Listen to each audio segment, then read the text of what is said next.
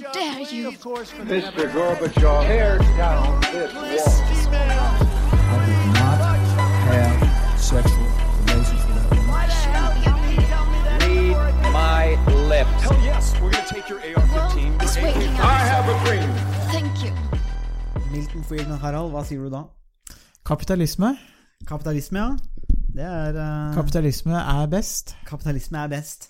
og eh, egentlig det eneste. Da var vi ferdig med ukas podkast. Da er vi ferdig. Det er den årets uh, korteste. Årets korteste podkast. Men uh, kanskje den podkasten som vi har brukt lengst i uh, jeg, jeg, vet ikke si forberede, men, men i hvert fall diskutere. Uten tvil. Ja, det gikk jo med, det gikk jo med noen timer i går kveld. kvelder og netter og Ja. Dager og uker. Ja, eh, men det er, jo, det er jo ikke tull heller. Vi, vi, vi, vi, tulla jo litt med det i går. eh, I går kveld òg, for det, det, det, er faktisk sant at det gikk med noen timer. eh, Det gikk, gikk, gikk fort. Og så tror jeg jeg nevnte underveis at kanskje vi skulle satt oss og spilt inn eh, Spilt inn den samtalen vi hadde. Så, vi måtte, sånn, så kunne måte lytterne få høre hvordan det høres ut når vi graver i materien. Vi kunne, kunne i hvert fall dokumentere at vi har forberedt oss. Ja, og da at vi, at vi tenker, og spørs om vi hadde mista en del lyttere, da. Det kan jo hende, men eh, Ja, det vi kan hende det er det de vil ha. Jeg tror det. Ja. Det er um, podkastenes svar på sakte-TV. Ja, rett, rett, rett. Det tror jeg vi er allerede, faktisk. Jeg tror vi- har en, eh, tror vi har en eh, uangripelig posisjon i podkastverdenen som Nå må ikke du være negativ, det er, det, det er min oppgave. Nei, altså, jeg, jeg ser på det som et kompliment. Jeg tenker at eh, vi har tatt den rollen, og den, den gir vi ikke fra oss heller. Det, jeg, jeg tror ikke det er så stor konkurranse om den heller, kanskje. Nei, det, jeg veit ikke, men det, det kan jo at det er på en måte det nye, da. At, eh, at man eh, At det er litt sånn sakte podkast. Så der er vi. Ja. Men uh, skal ha rom for det òg. Disse type der, altså sånne 15 minutts eh, snutt, snutter, som vi, vi, vi kan kalle det. Ja. Det er jo bare det jo ikke vi, Har jo ikke vi fått varma opp engang. Nei, vi har jo så vidt kommet i gang, da. Men uh, eh, Milton Friedman, ja. Uh, vi har diskutert det her en del. Uh, for det har vært fryktelig mye å ta tak i. eh, og vi er jo ikke ferdig på noen som helst måte. Men eh, det er så mange lag da, til det vi skal snakke om, at vi kommer bare til å grave i, i noe av det. Og ta ut det som vi mener er viktigst. Men eh, podkastens, eller eh, inspirasjonen her, utgangspunktet, og egentlig at du sendte meg en artikkel i Eller en kronikk, er det jo egentlig, da, i Financial Times av eh, Martin Wolff, vel. Som er, eh, som er den økonomiske redaktøren da, for Financial Times i London. Um, og han eh, skrev en kronikk som rett og slett var bare som het for at Milton Friedman tok feil når det kom til selskaper, da. Was wrong on the corporation. Uh, og det, der var det mye som var interessant, og så gikk vi i, har vi lest gikk tilbake da, til 1970, sep september 13, eh, 1970, så skrev Milton Friedman en kronikk. Han hadde jo publisert en bok, 'Capitalism and Freedom', og publiserte en kronikk som han kalte 'The Friedman Doctrine', så det var jo eh, Ja, hva, hva, hva skal du kalle det? ja, hva skal du kalle det når du skal skrive noe sånt? Det er bare å kalle det opp etter seg sjøl. men han skrev en artikkel da, uh, i, um, i 1970 i The New York uh, Times, um, som har, har en slags ikonisk status, egentlig. For den har ve ve veldig måtte, influert ganske mange etterpå. Det samme med boka. Du nevnte vel i stad, Harald, at den hadde solgt i 400 000 eksemplarer, var det det? Eh, Det stemmer, og det var bare de eh, første 18 eh, årene, så fra, fra 1962 til, til 1980. Ja.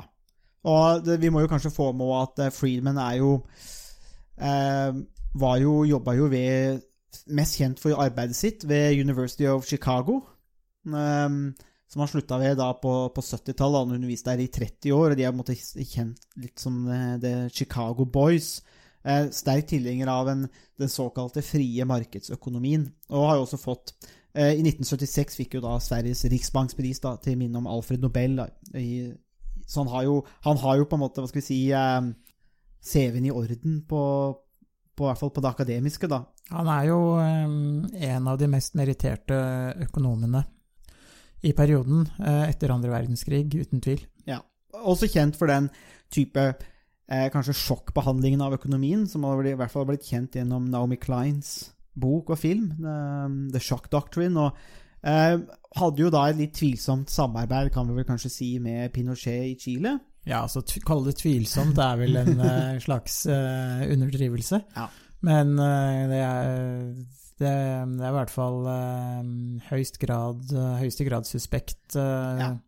Det var vel egentlig moralsk eh, forkastelig, hvis vi er helt direkte.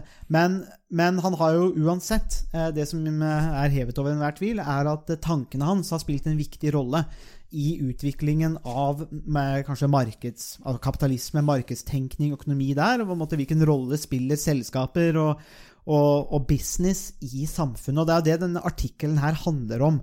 Um, fordi Milton Freeman slår egentlig ganske greit fast i enden, eller i slutten av sin, uh, sin kronikk, at det eneste sosiale ansvaret som selskaper har, det er å bruke sine ressurser til å um, drive med aktiviteter som er designa for å øke uh, bedriften eller selskapets profitt, så lenge det holder seg innafor uh, spillereglene eh, i samfunnet, på en måte. Eh, mer spesifikt at det skal, at det skal være deltaker da, i en åpen og fri konkurranse uten juks og svindel. Det er vel sånn vi på en måte kan oversette konklusjonen hans. Og særlig den der enkle, konsise mm, konklusjonen om at eh, det sosiale ansvaret er å øke profitt, er jo noe som har slått veldig godt an. Blant kapitalistene, ja. Ja, blant kapitalistene, men, men, Ja. men det er jo forståelig. Ja, altså det Ja. Um, Det er jo catchy. det, er, uh, det er en uh, doktrine, som han kalte det selv, Mm. uh, som er eh, lett eh, å forstå. Eh, eller lett å um, eh, det, er veldig en kort og konsis formulering. Så det er lett å huske, lett å Det er en, det er en eh, et, det, det blir en formulering som er veldig eh, Ja. enkel og veldig eh, lett å forholde seg til. Mm. Og det, det er noe av det som har vært med på å gi den uh, så stor uh, utbredelse også. Mm. Og i tillegg så passer den jo veldig godt til den agendaen mange bedriftsselskaper og bedriftseiere har, Mm. Uh, hvor, de, hvor de kan maksimere profitten. Og det som er interessant, og som, som vi har brukt en del tid på, er jo å se på premissene og forutsetningene for akkurat det, det utsagnet, fordi det kan jo også framstå som veldig provoserende. Mm. Å si at det eneste som teller, er å maksimere overskuddet til bedrifts, eh, bedriftseierne og de andre mm, eierne av eh, bedriften. Mm. De andre aksje, aksjeeierne. Mm. Ja, for han er jo ganske, han er jo ganske hard òg, altså i, i artikkelen sin, eh, hvor, han, hvor han også skriver at, eh, at forretningsfolk, eller bedriftseiere, som snakker om at bedriften har et sosialt ansvar, de er unwitting puppets of the intellectual forces that have been undermining the basis of a free society. Eh, så han, han sparer jo ikke på skytset, da, eh, når han be, be, beskriver på en måte de som ikke tar det ansvaret. Men poenget her er jo nettopp litt liksom som du sier da, Vi kan jo kanskje bare redegjøre helt kort for nettopp hva det innebærer. Uh, I Friedmans argument, kanskje. Det er jo nettopp Og det er jo noe som jeg i hvert fall eh, på en måte liker godt i Friedmans argument. Er jo det at han går veldig hardt ut mot alle bedriftseiere og businessfolk som snakker om at bedriftene har et sosialt ansvar, og vi tar et sosialt ansvar. Derfor så gjør vi en moralsk god ting. Mens eh, mens Friedman går jo egentlig mye hardere til verks og sier at eh, det er måte feil. Det er en slags illusjon. Det eneste ansvaret du har som bedriftseier, og særlig aksjeselskap, da, de store selskapene, er å tjene penger, maksimere profitt. Og hvis du sier at du er opptatt av all dette sosiale ansvaret, så er det bare illusjon. Ja, det er rett og slett bare hykleri å si at man eh, er opptatt av sosialt ansvar. Mm. Eh, fordi det som er eh, formålet med en bedrift, er å tjene penger, og det eneste sosiale ansvaret er å tjene, tjene så mye penger som, som mulig. Mm. Og, det, og det gir jo egentlig kanskje på en mening, hvis vi, hvis vi, hvis vi tar det inn i en sånn spesifikk sammenheng altså Du har jo vært leder av en eh, Ikke global bedrift, kanskje, men liten mellomstor. Det som er kjernen i norsk økonomi. Ja, med, med vekt på liten. ja, med liten. Men, men, men, men, men du, du, altså, du har jo mer erfaring enn det jeg har ak akkurat på det området. og Vi, vi diskuterte en del i går. og på en måte innafor visse rammer så gir det jo mening, ikke sant? Altså Friedmans argument. Ja, altså det, det, som er interessant, er jo noen av forutsetningene som ligger til, til grunn. Fordi det kan jo, eh, som vi var inne på, eh, fremstå som veldig provoserende og som åpenbart galt. Men eh, det som er viktig å merke seg før man kritiserer Friedman, er jo at her er utgangspunktet at man er det, det, han kaller for en rule taker. Uh, altså det er myndighetene, staten, demokratiet, politikerne som bestemmer hvilke regler bedriftene skal forholde seg til. Mm. og man er price taker, som innebærer at prisen på produktene blir satt i et marked med reell konkurranse. Eh, så man har, er ikke i en monopolsituasjon eller i en veldig dominerende markedsposisjon hvor man kan manipulere prisene og, og markedet. Eh, så eh, gitt de forutsetningene, så er jo bedriftene da omgitt av et regelverk og en kontekst hvor de må forholde seg til både markedet og til, eh, til staten, myndighetene, eh, politikerne. Mm. Og i en sånn situasjon eh, så gir det jo mening, eh, for det er jo mye av det sosiale ansvaret til en viss grad bakt inn i eh, de eh, lovreguleringene som, som omgir bedriftene, både når det gjelder forurensning, arbeidsforhold og mange andre viktige forhold som, eh, som, berører hvordan man driver eh, en, en bedrift.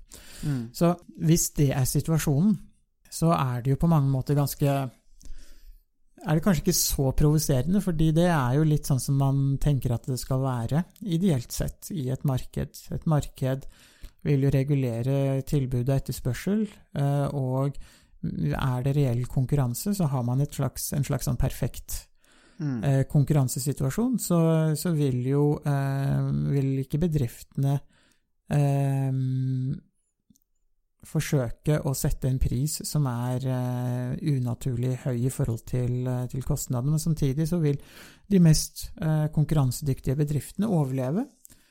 fordi de har de laveste kostnadene og den mest effektive produksjonen osv. Og, så og det vil jo komme forbrukerne til, til gode. Mm. og samfunnet for øvrig. Og der, der det er altså gitt det premisset at man skal ha et kapitalistisk samfunn, mm. så gir det jo en viss mening. Men det som er eh, problemet her, er jo at de forutsetningene og premissene som eh, vi har vært inne på nå med å være rule taker, price taker eh, mm. og den konkurransesituasjonen, det er jo dessverre ikke virkeligheten eh, i eh, dagens eh, økonomi mange, i mange markeder. Mm, ja, og, før vi, og jeg, jeg på før vi går dit, så tenker jeg at en annen del av premisset òg, og det er jo en viktig sånn analytisk Han, gjør egentlig en, en, han er jo en del av en, en analytisk eh, og, og, måte, tradisjon eh, i USA. Eh, og den er jo også høyst teoretisk. Han, men han gjør også et annet viktig skille. tenker jeg. Du har måttet tatt det, der, det er noe av det viktigste med konteksten. Men så snakker han også om dette med at hva betyr det egentlig at business, eller forretninger, selskaper, har ansvar? Så sier han kun mennesker kan ha ansvar. Slik at et selskap er da en kunstig eh, enhet som har blitt etablert av mennesker. Han, men han mener jo da, skriver ganske tidlig i sin kronikk, at selskapene er kunstige. De har ikke ansvar. Det er menneskene som har ansvar. Og hvis jeg forstår det riktig, så er det også da at menneskene har da ansvar på når de er altså som private. Men i selskapet så gjelder det på en måte en annen dynamikk, da. Uh, slik at han gjør det skillet òg, tenker jeg er viktig å få med her. da. Ja, det, det, er kjempeviktig, tenker jeg, fordi det Friedman er veldig tydelig på, er at uh, som uh, mennesker så har vi et moralsk ansvar. Mm. Og så kan man jo diskutere med utgangspunkt i ulike moralske teorier hva det ansvaret innebærer, om det er det ene eller det andre. Og det er jo, det er jo en annen diskusjon. Eh, men eh, det, det, er veldig interessant eh, hvordan han kaller en bedrift eller et selskap for en kunstig eller artificial mm. konstruksjon. Mm. Og det er det jo på mange ganger, og det er jo en abstrakt idé om hvordan man skal organisere økonomien. Mm. Og det her ville vært annerledes hvis man ikke hadde den ideen om et, et selskap som kan eies av flere. Mm. Hvis all forretningsvirksomhet var drevet av oss som enkeltpersoner, så ville jo ansvaret til en viss grad vært annerledes. Og da vil, for da ville det jo være snakk om våre egne personlige penger, som, hvor vi bare sto til ansvar ovenfor eh, overfor oss selv som Mm. individer. Og da kunne vi jo bruke de pengene på de måtene vi selv eh, tenkte, hvis det var penger vi hadde selv tjent. Mm. Men eh, det Friedman argumenterer for, er at når vi forholder oss til et selskap Så hvis jeg er daglig leder i et selskap, så forholder, må jeg forholde meg til de eh, reglene og, eh, som, eh, eh, som gjelder for meg som daglig leder, som selskapet har nedfelt i, aksjon, i eh, stiftelsesdokumentene og i i eh, avtalen mellom daglig leder og selskapet og osv. Mm. Ja, og det er nettopp det som er poenget her, for han gjør en, en distinksjon her mellom nettopp dette individuelle og dette når det er, eh, som han sier da, at eh, når du altså, altså the corporate executive, det er jo egentlig det han snakker om, og, og det er noe vi kommer til å komme tilbake på, som du nevner, og dette med denne konstruksjonen. Eh, for det er jo egentlig der denne Martin Wolff, altså redaktøren i Financial Times, starter på en måte sitt angrep på, på Milton Friedman, er jo nettopp det der at eh, Milton Friedman har tatt feil når det kommer til, og, misforstått kanskje, litt konstruksjonen av disse selskapene, og hva de faktisk kan gjøre, hvilken makt de har, og hva det faktisk gjør med denne dynamikken. da. Og det er jo på en måte å angripe premisset, eh, sånn som du har vært inne på.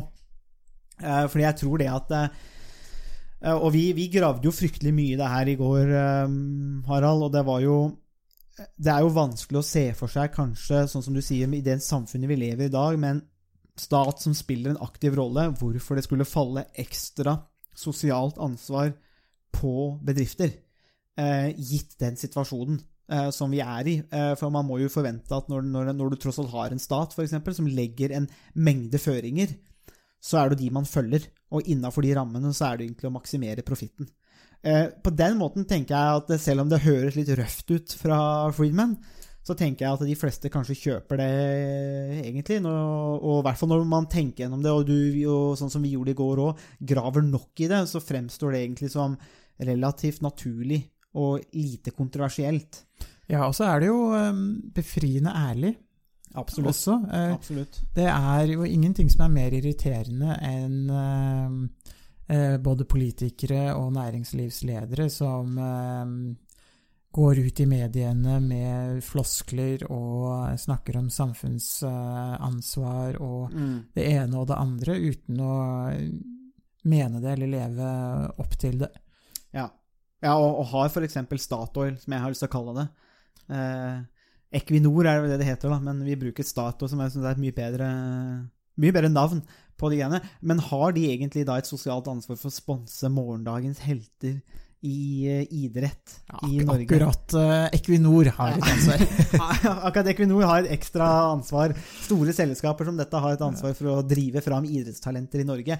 Men det er klart, for Friedman og så vil jo det være problematisk å skryte av at de sponser, man sponser sånne talenter, for det ansvaret har du ikke. Nei, altså, men, men sponsing er jo eh, også noe som bedriftene gjør for å fremme sin egen eh, Eller for, for å fremstå i et bedre lys selv, og er det et selskap som trenger å fremstå i et bedre lys, så er det jo kanskje Equinor. Ja, det kan, eh, det kan. For akkurat den jobben har de ikke klart eh, helt på egen hånd. Der har de en, eh, en liten jobb å, å gjøre. En aldri så liten jobb, men det er sikkert noen sultne og fremoverlent konsulentselskaper og reklameselskaper som står klare til å hjelpe dem med den jobben. Heldigvis. Ja, og det er en slags trickle down-effekt. eh, så det er ikke, alt er ikke gærent. Men eh, vi har jo nevnt navnet hans, Martin Wolff. Um, fordi at Og vi har jo antyda det, Harald, at når vi kanskje forlater det litt mer overflatiske nivået eh, av analysen og funksjonen, og ser litt nærmere på, premissene, så, så begynner det å se litt mer eh, shaky ut. Eh, argumentet til Friedman. Og det er i hvert fall det som har vært eh, Martin Wolfs argument, men også Luigi Singales eh, sitt argument fra en bok da, som de har publisert nå 50 år etterpå, som gir ulike perspektiver på nettopp dette. da. Eh, og han spør jo da på en måte tar jo opp Milton Freemans artikkel og spør måte, under hvilke forhold er det er det effektivt eller sosialt akseptabelt, kanskje, for, for ledere og bedrifter da, til å fokusere kun på dette å maksimere profitt eller eh, eiernes interesser? Da. Eh, og han peker da på et par ting. og Det første er det at eh, selskaper skal jo operere i et eh, konkurransemarked, eller et marked preget av fri og åpen konkurranse, hvor firmaene eller selskapene er både da price and rule takers, sånn som du har snakka om, Harald. At de, eh, de må forholde seg til disse reglene. Nummer to er jo at eh, det skal ikke være eksternaliteter eller disse negative effektene. I hvert fall så skal i hvert fall myndighetene være i stand til å korrigere det på gode måter gjennom reguleringer og, og, og skatt. Eh, På en måte. Det er jo kanskje litt av det vi har sett i den klassiske liberale, libertarianske eh, konseptualiseringen av stat. Og så skal, altså skal kontrakter være fullendte eller ja, fullstendige, og, at, eh, og, og spesifisere kostnader og osv. Altså forutsigbarhet er vel kanskje noe vi kan eh, tolke det til å gjelde òg.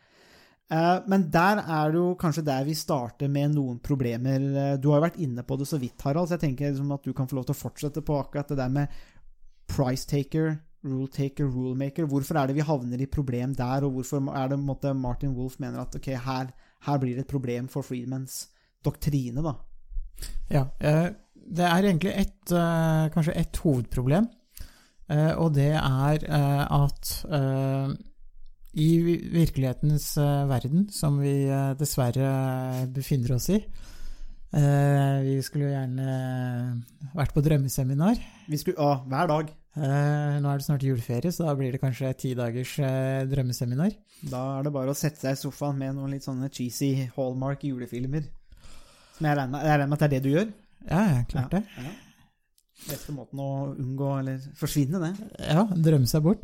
Mm. Eh, Men i hvert fall, eh, problemet er at eh, i dagens eh, eh, verden eh, så er det en lang rekke veldig store selskaper som er i en situasjon hvor de kan diktere prisene, eh, og hvor de kan påvirke hvordan lovverket og rammebetingelsene blir utformet.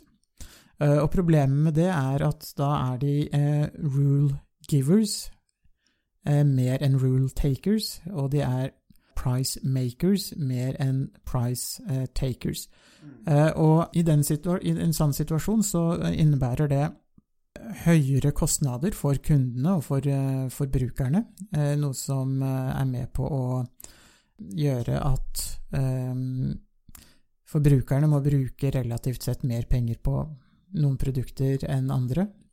Og I tillegg så innebærer det at eh, de, når de kan påvirke eh, politikerne, så kan det også innebære at de enten får skattefritak, unntak, som gjør at eh, skatteinntektene til samfunnet eh, blir lavere. Mm. Og det kan også innebære at ansvaret overfor miljø, arbeidstakere eh, og andre eh, viktige eh, aspekter ved det å, å drive en økonomisk virksomhet også blir undergravd. Mm. Eh, hvis man får eh, fritak fra, eller klarer å unngå eh, å måtte ta ansvar for eh, forurensning, utslipp, eller at man eh, ikke trenger å tilby et eh, trygt arbeidsmiljø for eh, arbeidstakerne. Mm. Så det vil kunne påføre samfunnet veldig store kostnader dersom den type dominerende bedrifter som vi har mange eksempler på, Facebook, Google, Apple, Microsoft, mange store oljeselskaper Mm. eh, Vi har jo nevnt ett av dem eh, i dag, Equinor. Eh, Ja, og du nevnte jo i går eh, Lex Borgerbund Nei, Borgerbund, sier jeg. Lex Borregaard. Ja. Nesten Borgerbund. Eh, Borregaard var jo eh, et av de aller største industrikonsernene i Norge på store deler av 1900-tallet. Eh, og Borregaard hadde så stor politisk innflytelse at de, eh, de kunne eh, nærmest ta en telefon til Stortinget eller til regjeringen og kreve eh, at eh, lover skulle utformes på en bestemt måte som var gunstig for, eh, for de, og enkelte av lovene som ble vedtatt i første halvdel av eh, 19, på 1900-tallet, ble faktisk kalt eh, Lex, eh, Lex Borregaard fordi de var så var så godt tilpasset. Eh, De var, eh, det var så godt tilpasset eh, Mm. Borregaard sine behov at mm. de var omtrent utformet for å passe, bare for å tilfredsstille Borregaard. Som sammen med Hydro var de, var de to største industriselskapene i, i Norge på store deler av eh, 1900-tallet. Mm. Ja, jeg tenker det, og det er jo nettopp det der med, med at de, altså selskapene Og det, på en måte så er det kanskje litt naivt å tenke seg at, at Hvorfor skulle ikke selskaper ha interesse av å prøve å, forme eh, spillereglene eller spillearenaen til sin fordel? Og eh, vi har jo diskutert litt av det, at eh, eh, gode gamle Adam Smith han, han eh, er relevant en dag i dag. Ikke fordi at eh, ikke nødvendigvis fordi at kapitalismen er, er liksom så bra og at han er et forsvar for det, men Adam Smith forsto også en del av dynamikkene i dette, og han kalte jo det for, måte for det the vile maxim, og var jo fullstendig klar over at, at eh, mektige mennesker i ulike posisjoner veldig ofte tenderer da, til å komme sammen og konspirere mot allmennheten, som var det han kalte det. Eh, men, men, i, men, men det er likevel det er en erkjennelse om at eh, er man mektig eller har mye ressurser og sånne ting, så vil man ofte prøve å bruke den makten og innflytelsen til å sørge for at man opprettholder det, eller kan skaffe seg mer. Eh, For det er jo en merkelig sak når, når selskaper blir store nok, så ser det ut som at de ikke er så veldig glad i konkurranse. Så det er jo sånn entreprenørskap, hype, av en annen verden når man starter, og så har man blitt stor nok, så er det bare kjøp, kjøp, kjøp, egentlig, og måtte kvitte seg med konkurrentene. Og det er jo litt av derfor vi ser nå at eh, USA, at, eh, hvor myndighetene der, eller ja, de myndighetene tar ut søksmål, og statene tar ut søksmål mot Facebook for å Rett og slett fordi de er konkurransevridende, da. Så det tenker jeg jo er, er jo på en måte litt sånn Ja, hvorfor skulle ikke bedrifter eh, gjøre det? Eh, men det er klart at eh, hvis man da Og da ser at det er det de gjør, og det ser man jo f.eks. i USA, og ikke minst fordi at store selskaper, sånn som nå i den digitale verden, eh, også griper inn i så mange sfærer med valg. Eh, ikke minst, som vi har sett en del av i USA, da, men også til dels brexit. Så er det klart, i den situasjonen så får man jo plutselig da Da kommer dette sosiale ansvaret inn på en måte som man ikke bare kan bortforklare med på en måte å si at nei, men dere skal bare tjene penger. Noe annet ansvar har man ikke. Fordi, rett og slett fordi at spillereglene er endra da, og fordi man aktivt søker å endre spillereglene. Ja, og hvis man, eh, hvis man befinner seg i den litt ideelle verden som eh, Friedman egentlig beskriver og tar utgangspunkt i, så vil man jo være i en veldig tøff konkurransesituasjon Mm. med andre konkurrenter og selskaper. Og da vil det kanskje ikke være eh, penger til å, å ta den type ekstra ansvar, men det man ser med selskaper som Facebook, som uh, har stor, stor innflytelse på, på valg, hva slags uh, nyheter mange leser, Mm. som egentlig fraskriver seg ethvert redaktøransvar eller ansvar for de, det innholdet som de, de er med på å publisere, så blir det jo mye mer komplisert, fordi de er en så dominerende aktør at der er det vanskelig å se at de ikke har noe eh, sosialt ansvar. Hadde Facebook vært en av kanskje 100 Mm.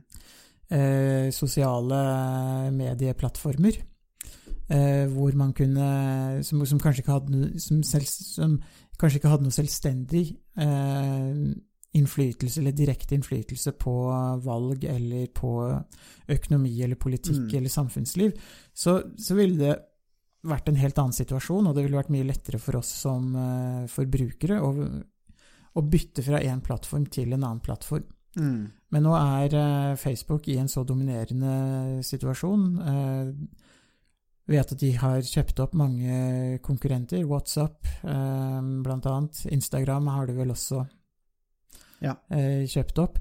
Eh, så, så de kontrollerer hele det økosystemet med ulike eh, sosiale medier, som gjør at de Eh, de blir, får en slags monopolsituasjon, og nå har jo amerikanske myndigheter anklaget Google eh, og Facebook for å samarbeide om eh, å fordele annonsemarkedet mellom seg.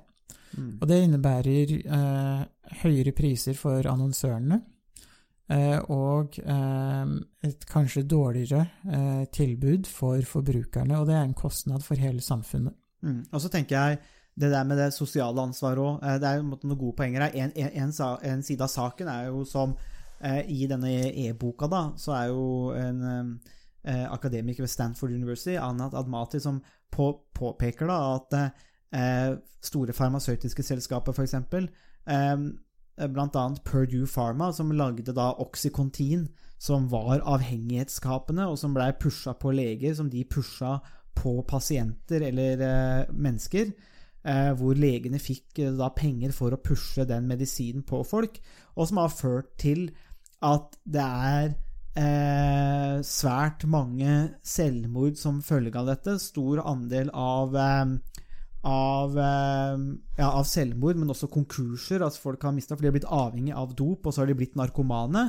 Eh, og som eh, hun nevner, da, som er et godt poeng, tenker jeg, er jo det at det er mange som har havna i fengsel pga. Eh, bruk og misbruk av medisinen, altså vanlige mennesker. Mens det er ingen i selskapet som har måttet gå til fengsel for å lage en medisin som er eh, avhengighetsskapende, og det er lagd vel vitende om at det er det. Og de kan bruke dette til å pushe penger, øh, på folk da, for å tjene penger. Og det, Der begynner vi også å se type ting hvor dette med det sosiale ansvaret ikke sant, er, kommer i konflikt, tenker jeg, da, når det kommer til, for det griper så direkte inn i liv, og så må, det, må folk inn i fengsel og sånne ting. Og det her er det store sosiale kostnader forbundet med dette. Så det tenker jeg er et stort problem der. Eh, Og hvorfor det er, det er ikke så lett om at du bare skal ha mer penger. Men det, til det andre som du sier, og som jeg tenker var litt interessant, er jo nettopp dette med, med, med det ansvaret med, med valg. For det er jo også det vi har sett. Nettopp det du sier med, med Facebook, Google eh, og sånne ting. Og i den boka så er det også flere som tar opp det poenget at mange av disse selskapene har jo fått mye rettigheter. De har fått stor beskyttelse. Men de tar kanskje ikke sin del av ansvar når det kommer til del av ordskiftet. Det er jo det mye der diskusjonen har gått på. Man sier at dere har fått så og så mye, dere får skattelette, dere får alt dette her, og dere er beskytta på de og de måtene. Da må dere også ta et ansvar for å kanskje sensurere innhold, fjerne skadelig innhold.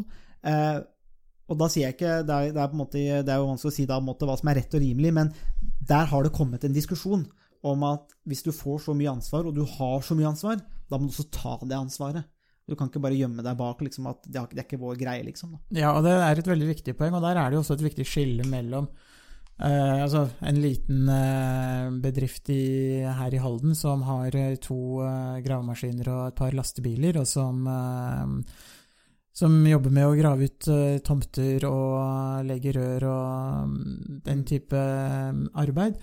Det, det er jo en helt annen type bedrift, Ja. og i en helt annen konkurransesituasjon enn det vi snakker om nå med store selskaper som har muligheten til å påvirke politikerne veldig aktivt gjennom lobbyisme og få skattefri, kanskje få skattefritak.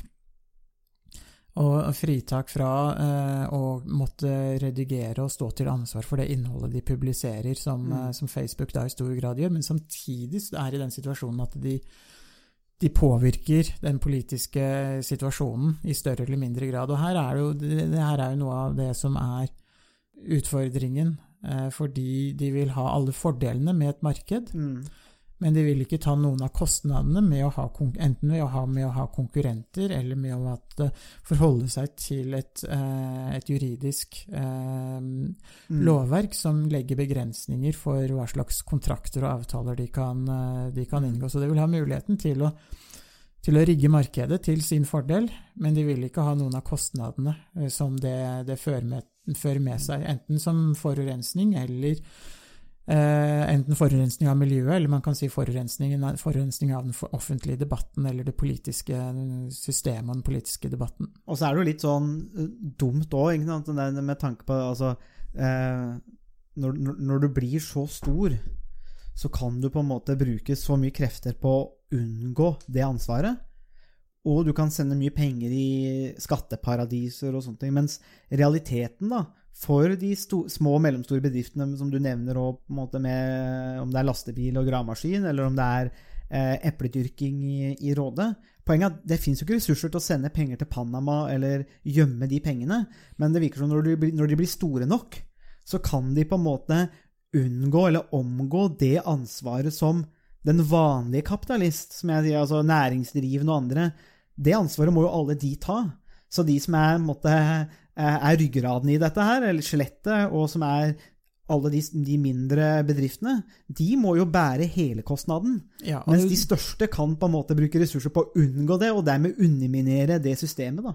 Det er nettopp det. For det innebærer jo at uh, skattekostnadene og skatteutgiftene til de uh, bedriftene som ikke har ressurser til å øh, finne smutthull og drive med Mm. lobbyisme, de blir jo, den blir jo da høyere. Og man må fordele kostnadene til offentlig sektor på, på færre aktører, eller færre må betale mer enn det de ellers øh, ville måtte gjøre. Og det er jo urettferdig overfor de bedriftene, og det er også med på å gjøre Mm. konkurransesituasjonen mer utfordrende for de små øh, og mindre aktørene i et, øh, i et marked. Og da er det kanskje ikke rart at man får den der logikken i USA, hvor mange driver med entreprenørskap, og der målet er å bli kjøpt opp av en av de store. Så man, tar, man starter en bedrift eller eh, kjører startups med det formålet å bli kjøpt opp.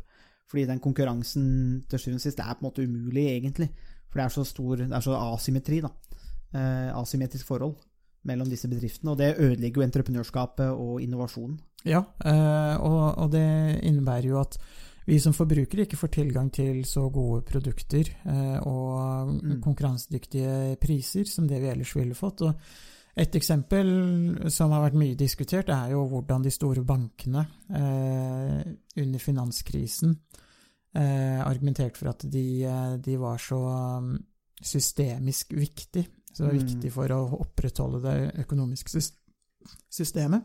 At de ikke kunne gå konkurs, men at Mm. de måtte få eh, milliarder eh, av eh, i tilskudd eh, for å låne billige lån for å kunne, kunne overleve. Og det innebærer jo en rett og slett at det er vanlige folk og resten av økonomien som må ta kostnaden ved, ved, bank, ved å opprettholde de bank, bankene som, mm. som man har. I, et, eh, I en kapitalistisk eh, økonomi så ville jo bankene da gått konkurs og blitt erstattet av enten nye banker eller av de bankene som eh, hadde nok kapital. Mm. Så det innebærer jo at eh, bankene eh, tar høy risiko og vet at staten vil redde dem i siste instans. Og det vil si at vi må betale mer i, eh, i skatt enn det vi ellers måtte gjøre, og vi må også betale mer for banktjenestene. Mm, ja, og i hvert fall i 2008 så, så er det en del banker som skulle gått over ende. Det er en del fabrikker, industri, som skulle gått over ende. Eh, og da er det jo litt sånn, med fare for å være like kynisk som Milton Friedman, så, men, men det, er, det er sånn det burde vært. Eh, rett og slett fordi at, eh, sånn som du påpeker, da, det man er i stand til å gjøre da, er egentlig å, å spekulere. Eh, vel vitende om at staten kommer reddende. Så det er liksom sosialisme for de rike, egentlig. Eh, men da tvinger man, eller holder egentlig staten som et halvveis eh, gissel. Og så, man, og så blir man egentlig redda fra å ha gjort en fryktelig dårlig jobb, spekulert med vanlige folks penger, gjort feil, vært inkompetent, og så får man likevel lov til å overleve fordi man er såkalt systemisk viktige. Eh, Og Det samme gjaldt jo en del av de store bedriftene, men det er klart, vi har en overproduksjon på biler. Og skulle vi fulgt det kapitalistiske systemet, og skulle bedriftseierne som eier Ford og Chrysler og GM osv. vært så kapitalistiske som de hevder å være, så skulle jo noen av de selskapene falt i finanskrisa 2008. Det rommet ville da blitt erstatta av kanskje selskaper som måtte ta, eh, vært mer solvente, eh, hatt mer på ressurser, for de vet at de kan ikke ta disse sjansene fordi at markedet går opp og ned. Da måtte de spekulert mindre og kanskje drevet på en mer moderat måte enn å ta de der ville sjansene. Eh, mens det vi har sett etter 2008 med den, all den bailouten, er jo at den kulturen har jo ikke forandra seg. Man har jo ikke adressert disse tingene, så vi går jo på en måte Vi går i søvne egentlig nesten mot en lignende type eh, problemer, da. Ja, for det man ser er at eh, de ulike statene har jo forsøkt å kontrollere eh, banksystemet eh, ved at bankene må ha mer kapital osv. Og, og det er jo Da ender man, bare, ender man jo opp med mer og mer reguleringer, mer og mer, gjøre systemet mer og mer komplisert. Eh, og spørsmålet er jo om man fjerner den grunnleggende risikoen ved å forsøke å regulere på eh, så detaljert eh, nivå. Eh, og eh, det andre er jo at eh, en bedrift som, eh, som forurenser miljøet, eh, vil jo måtte, i de fleste tilfellene, betale for den opprydningen og, mm, som, som det, vil, det vil koste og medføre. Og, og hvis man står for et, et stort utslipp, og litt på samme måte så burde man, burde man jo også tenke innenfor eh, andre områder, sånn som eh, Facebook, som eh, forurenser den offentlige debatten og det politiske systemet, må jo også ta ansvar for Mm. den kostnaden de påfører eh, samfunnet, for å si det litt, eh, litt enkelt. Mm. Så på samme måte som alle aksepterer at forurenser må betale hvis eh, Saugbrugs er i Halden eh, slipper ut eh, miljøskadelige stoffer i eh, Tista, som eh, renner brun og gul eh, Ja. ut i Iddefjorden. Altså det bobler og koker, eh, nærmest. Så, så må jo også andre typer selskaper, banker, eh, som Mm. tar for stor risiko, eh, Facebook som blir Som påvirker den politiske debatten i stor grad. Jo også de tar ansvar for de, eh, de, de de kostnadene de påfører resten av eh, samfunnet, både oss eh, forbrukere og også eh, staten og andre, andre bedrifter. Mm. Ja, det er ingen tvil om at det er eh, Det der er en fryktelig interessant debatt, og det er en debatt som vi må ta i samfunnet òg. For det er litt som Martin Wolff avslutter med å si òg, at eh, det problemet vi har i dag, er, at, er å skape disse reglene. Altså finne de gode reglene som eh, skaper konkurranse, men som er bra for arbeidstakere, eh, miljøet, eh, skattepolitikk, men også bedriftene. Og der sliter vi med å kanskje nå finne et godt svar, og det vi ser er kanskje det at det holder ikke i dag kanskje med de største selskapene og de dominerende selskapene å si at eh, eneste ansvaret er å maksimere profitt. Rett og slett fordi at de, de har en annen dynamikk, de har en annen natur, en annen karakter, som påvirker samfunnet på en måte som eh, på en måte, ja, eh, som de må ta ansvar for, da. Ja, eh, og det som, det som er en annen årsak til at de slipper litt billig unna ofte, er jo at det er veldig vanskelig å formulere og uttrykke hva er det egentlig det sosiale ansvaret innebærer. Mm.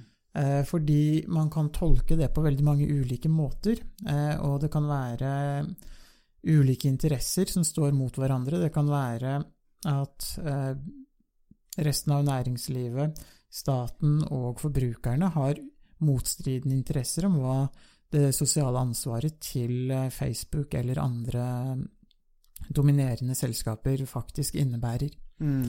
Eh, og eh, det vil være veldig vanskelig å formulere de, eh, det, det ansvaret, eller uttrykke det på en, eh, eh, på en god måte. Man forsøker jo delvis det, å gjøre det gjennom lovverket som regulerer eh, næringsvirksomhet, men eh, så lenge Facebook er i den posisjonen at de kan påvirke de reglene, så er man jo like langt eh, igjen. og da da klarer man, da, da blir det, da kommer man aldri i den posisjonen eller situasjonen som Friedman snakker om, hvor ansvaret bare blir utelukkende eh, å tjene penger. For i en ideell verden så, hvor vi klarer å sette de, de reglene på en fornuftig og god måte, så, så er, gir det en viss mening. Hvis, I Mm. hvert fall hvis man aksepterer ideen om et kapitalistisk eh, økonomisk system, så gir det en viss, eh, viss mening innenfor det, det perspektivet.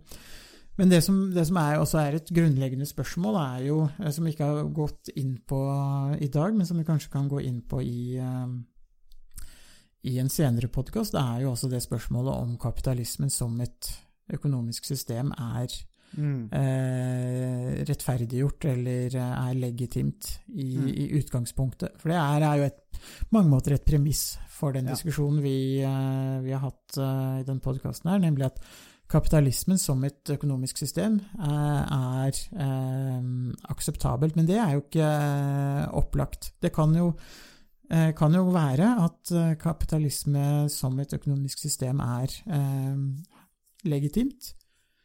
Eh, Men, eh, men det er jo noe man må argumentere for, i så fall. Mm, helt klart. Det, vi var jo litt så vidt inne på det òg, litt med, med Adam Smiths eh, kritikk òg, så det, jo, det er mye å ta tak i der òg. At eh, det, er ikke, det er ikke gitt Uh, at det er det. Det kan, det kan anføres både gode, gode og dårlige argumenter for og imot.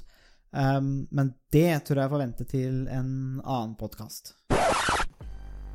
Det var det vi hadde å by på i denne ukas episode av Statsvitenskap og sånt. Musikken er komponert av Robin Horvath, og Thomas Focolato står for miksing og redigering. Du finner oss på Facebook, bare søk på statsvitenskap og sånt. Der kan dere komme i kontakt med oss hvis dere har spørsmål eller kommentarer. Der finner du også aktuelle artikler, videoer med mer. Vi setter pris på om dere liker sida, og deler den med andre som dere tenker vil ha glede av å høre på podkasten. Vi høres!